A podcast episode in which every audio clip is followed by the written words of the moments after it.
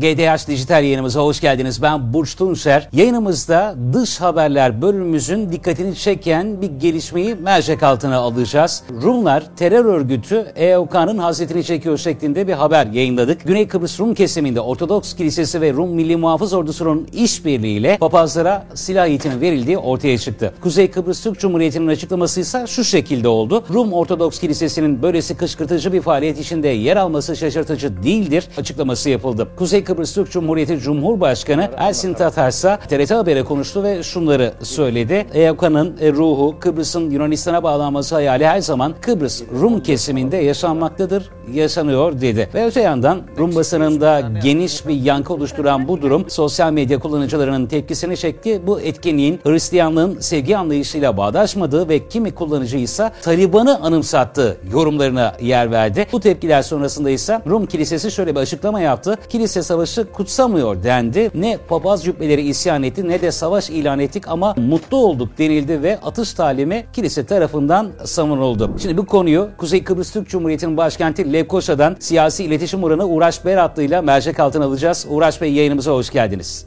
Hoş bulduk. Nasılsınız? Teşekkür ederiz. E, yoğun gündemle devam ediyoruz. Bu açıklama ise gerçekten hayretlerle karşılandı. Şimdi size hemen sormak istiyorum. Papazlara silah eğitimi verilmesi adadaki bölünmenin diplomatik ve siyasi ve askeri boyutlarına çözüm üretebilse bile sosyal ve dini ay- ayrışmanın daha derin olduğunu göstermiyor mu? E, tabii ki elbette yani şimdi biz e, Kıbrıs Türkler olarak e, papazlara silah eğitimi verilmesi, işte kiliselerde silah saklanması ve benzeri e, olaylar e, işte e, 50 yıl önceden beri bizim karşılaştığımız bildiğimiz olaylar bunlar. Hiç yabancı değil Kıbrıs Türk halkına bu tip şeyler. Ve benim ilgimi çeken ilginç bir şey var burada. Yenilenen bir atış poli- poligonunun e, işte e, yapılan açıklamada işte bu yenilendi ve oraya işte papazlar işte hediye olsun işte bir jest olsun ne atışa çağrıldılar şeklinde. E, bu atış poligonunun yenilenmesi için e, yardım eden kurum kilise ve daha da ilginci Mausa Metropolitliği bunu yapıyor. Mausa Metropolitliği biliyorsunuz e, işte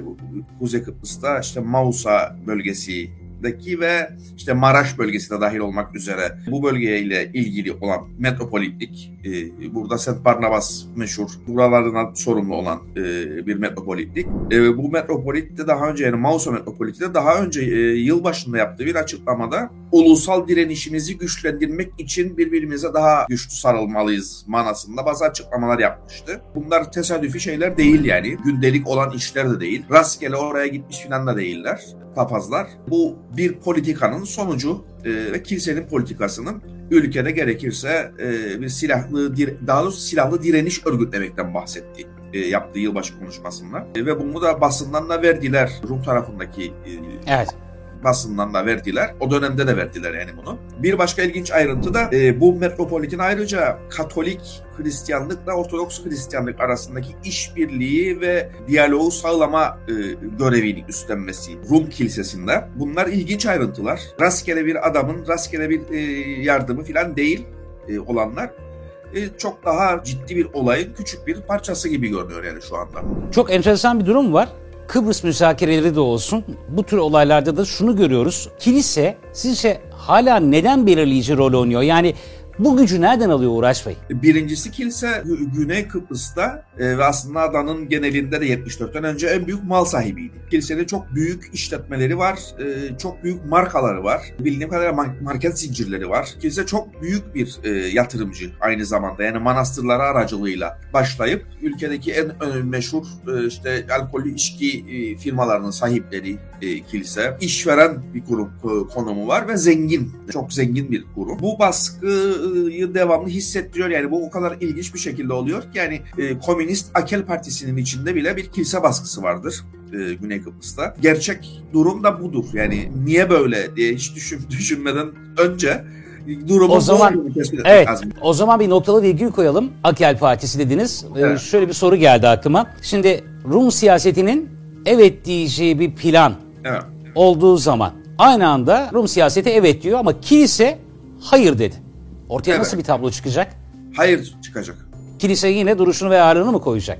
bu durumda. Kilise her halükarda hayır diyecek. Yani bunu net olarak bilmek gerekiyor. Yani söylediğim daha önce. Şimdi bu, bu atış eğitimi organizasyonunu yapan metropolitliğin başındaki adam ki güçlü bir adam bu adam bahsettiğim gibi yani işte Roma Katolik Kilisesi ile e, Ortodoks Kilisesi'nin ilişkilerini düzenleme gücüne sahip. Bununla ilgili görüşmeleri yapan bir adam yani dünya üstündeki milyarlarca Hristiyanlar arasındaki 2000 yıllık bir çekişmeyi çözmeye aday olan adamlardan biri olarak güçlü bir adamdır bu adam haliyle. Böyle bir adamın bile e, sonunda bizim ulusal direnişimizi örgütlememiz lazım e, şeklindeki tavrı ve daha önce de aynı dönemlerde de bunlara kısa süre önce yaptığı bazı açıklamalar var. Gerek Transmontana ile ilgili gerekse de şeyle 2004'teki anlam plan süreciyle ilgili yaptığı açıklamalar var bu metropolitin. Orada yani uzlaşmaz işte e, bir tavrının olduğu e, hatta işte Türkiye uzlaşmaz e, saldırgan bir tutumu var. İşte bu dönemde işte kuzeydeki siyasete müdahale ediyor Türkiye gibi uluslararası siyasetle ilgili devamlı açıklamalar yapan, e, ülkesini kendi ülkesinin diplomatik ilişkileri hakkında şerhler koyan filan bir adamdan bahsediyoruz. Ve yani kilisenin gücünü hiç hafife almamak gerekir güneyde ve e, ve unutmamak gerekir. Yani bu adamlar e, din adamıdırlar. Bundan dolayı da şöyle söyleyeyim yani şöyle örneklendireyim e, bakış açılarını en azından benim gördüğüm bakış açılarını. Yani bu kişiler e, papaz olarak binlerce yıl kıyametin gelip gelip de adaletin dağıtılmasını bekleme, sabrını gösterme, gösterecek şekilde yetiştirilen bu adamlar Kıbrıs sorununda da bekle ve gör gün gelecek, güç bizim elimize geçecek. Bu o gün geldiğinde biz yine yapacağımızı yaparız diyerek direnin, direnin, direnin, korkmayın, çekilmeyin, taviz vermeyin, anlaşmak için bir zemine e, gerek yok, sonunda biz kazanacağız, işte Tanrı bizim arkamızda filan diye. Bu tip bir söylemin hiçbir zaman ben geri, geri adım atacaklarını, bir anlaşma zemini yaratacaklarını ben düşünmüyorum ve e, Rum tarafındaki kilisenin bu gücüyle de e, Rum toplumunun daha farklı bir yere geleceğini düşünmüyorum. Şimdi bu açıklamayı bir kere daha tekrarlamakta açıkçası uğraş ve yarar görüyorum. Psikopos dedi ki ne papaz cübbeleri isyan etti ne de savaş ilan ettik. Ama mutlu olduk. Bu cümle altı çizilesi bir e, cümle. Siz de açıklamalarınızda e, daha da zenginleştirdiniz, daha da açık. Şimdi bu manzara Bosna'daki gibi etnik ve dini temelli bir çatışmanın fitilinin ateşlenebileceğini göstermiyor mu? Şöyle bir şey söyleyeyim yani şimdi bizim enteresan şimdi şöyle bir şeyin altını çizmek lazım. Son günlerde de e, şeyde Türkiye'de özellikle TMT ile ilgili e, kimse kusura bakmasın özellikle Türkiye'den dinleyen insanlar bilgisizce abuk sabuk temelsiz ne dediğini bilmeyen bazı e, açıklamalar oldu. Şimdi şöyle bir şey var yani 50'lerde Türk Mukavemet Teşkilatı örgütlenirken yani EOKA'ya karşı e, örgütlenildi o dönemde. Niyet oydu. EOKA'ya karşı kendini korumaktı. Evet. Cemaati korumaktı. E, o dönemde Kıbrıs Türk halkının örgütlenme yerleri yoğun olarak okullar ve spor kulüpleriydi. Rumların örgütlenme yerleri ise kiliselerdi. Ve tabii bir miktar da spor kulüpleri onlarda da. Ve kiliseleri kontrolündeki okullarda Şimdi e, Rum tarafının bu ulusal soruna bakış açısı daha fazla dini kültürel diyeyim bir zeminde düşünülürken Kıbrıslı Türklerinki daha daha fazla varoluş mücadelesi şeklinde gelişti. Papazların bu şekildeki tavırlarını yani Kıbrıs, biz Kıbrıs Türkler açısından çok ciddiye almıyoruz doğrusunu söyleyeyim. Da kalede almıyoruz. Ee, yani kusura bakmasınlar yani e, bir saygısızlık da etmek değildir niyet ama bu tavırlarını biz çok da ciddiye almıyoruz. Yani o rahmetli Denktaş'ın meşhur lafı vardı. E, silah alıyorlar, alıyorlar, alsınlar yine alıp müzeye koyarız Girne'de dediydi. E, üç aşağı beş yukarı e, şu anda da e, Türk halkının genel olarak tavrının bu olduğunu düşünüyorum. Yani tamam alsınlar yani biz alın yani no no no buyurun alın yani. Peki Sayın Beratlı şimdi bu olaylar yaşanıyor. Bu olaylar yaşanırken de hani kilisenin hala belirleyici rol oldu, e, oynadığından bahsetmiştik. Bu tür olaylar sizce neden gündem olmuyor ya da neden gündem olduramıyoruz?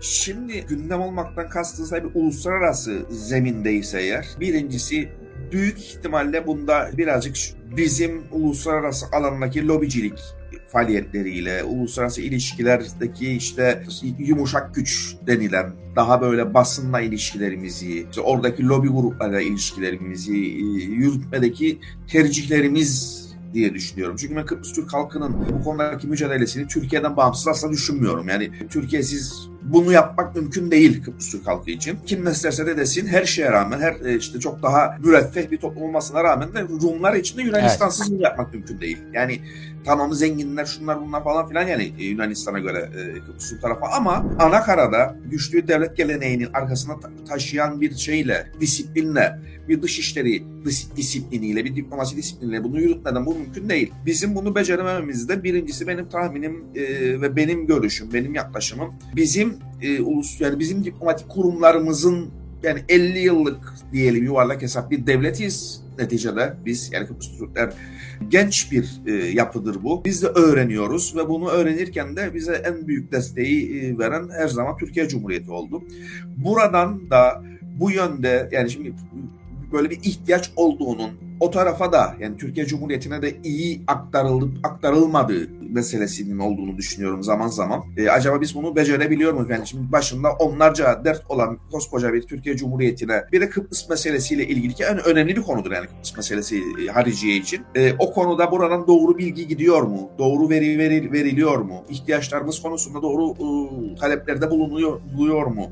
Konusu da önemli. Ama en önemlisi uluslararası alanda bizim hala daha doğru düzgün bir e, bir PR, bir halkla ilişkiler, bir kamu diplomasisi, bir lobi faaliyeti e, yürütmek konusundaki acemiliğimiz olduğunu düşünüyorum ben. Yani bu durumda zannedersem Kuzey Kıbrıs Türk Cumhuriyeti'nde örnek veriyorum sadece. Biz imamlara silah eğitimi verdirseydik Avrupa şu anda o, çoktan o, ayağa kalkmıştı. aynen aynen. Alt üst olurdu. Alt üst olurdu. Baş aşağı evet dünya. Ama işte tam da ona ayna tutulup da gösterilebilecek bir durumda. Yani işte e, din adamlar yani bunlar Allah'ın adamları yani neticede. İşte Tanrı'nın adamları kendi görüşleriyle bizim itikadımızca Allah'ın adamı di- diyelim yani. E, bunlar inançlı insanlar ve ama ama e, yani eline silahı almış orada. Yani bunlar hiç şık görüntüler değil. Peki şimdi Sayın Beratlı Avrupa Birliği'nin başka bir ülkesinde örneğin Almanya'da Katolik din adamlarına silah eğitimi verilse Evet. Bu Almanya'daki protestan toplumunda ve AB genelinde nasıl algılanır? Ya orada da dünya alt üst olur. Yani e, şöyle bir şey daha söyleyeyim ama yani şimdi şunu da bir tarafa koymak lazım yani. Bunu, bunu da net e, konuşmak lazım. Şimdi biliyorsunuz son geçtiğimiz 10 yılın içindeki en önemli 4-5 tane terörist saldırı kilise kökenli çıktı. Yani Norveç'te yapılan saldırı, Yeni Zelanda, Zelanda'da yapılan saldırı. Yani bunların hepsi ayrıca işte Kuzey Avrupa'daki işte bu daha fazla altın şafak bağlantılı ırkçı grupların faaliyetleri bu bunlar da ki şey e, kilise bağlantılı. Kilise belki birazcık sert bir şey olacak. Yani kelimelerime dikkat ederek konuşmak e, ya çalışıyorum ben de. Yani silahlı siyaset yürütme konusunda her zaman da böyle aman da yaklaşmayalım oraya işte yok